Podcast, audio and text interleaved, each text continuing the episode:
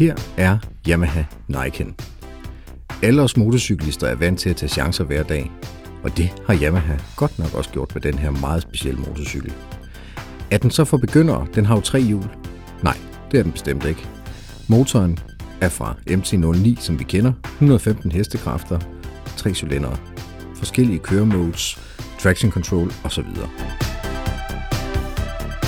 Niken har den fordel, at med de to hjul kan du køre på løst underlag som aldrig før. Der er altså to chancer, kan man sige. Vi har nok alle sammen prøvet at køre i et sving, hvor der ligger lidt grus og tænke, wow, det kommer du nok ikke ud for lige forløbet på den her.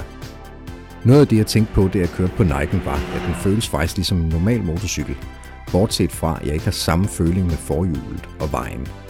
Til gengæld mærker du slet ikke vibrationer på samme måde, som du er vant til. Du mærker faktisk ingenting. De to hjul afbalancerer hinanden og dig, så du bare kan køre og køre og køre. Jeg kan faktisk godt forestille mig, at det er god at køre langt på, og så sidder man vanvittigt godt.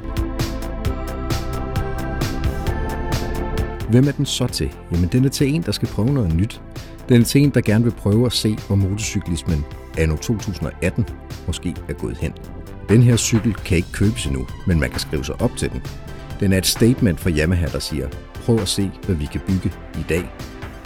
Jeg ved ikke, om jeg selv kan lide den, men jeg synes i hvert fald, det var rigtig sjovt at køre på den.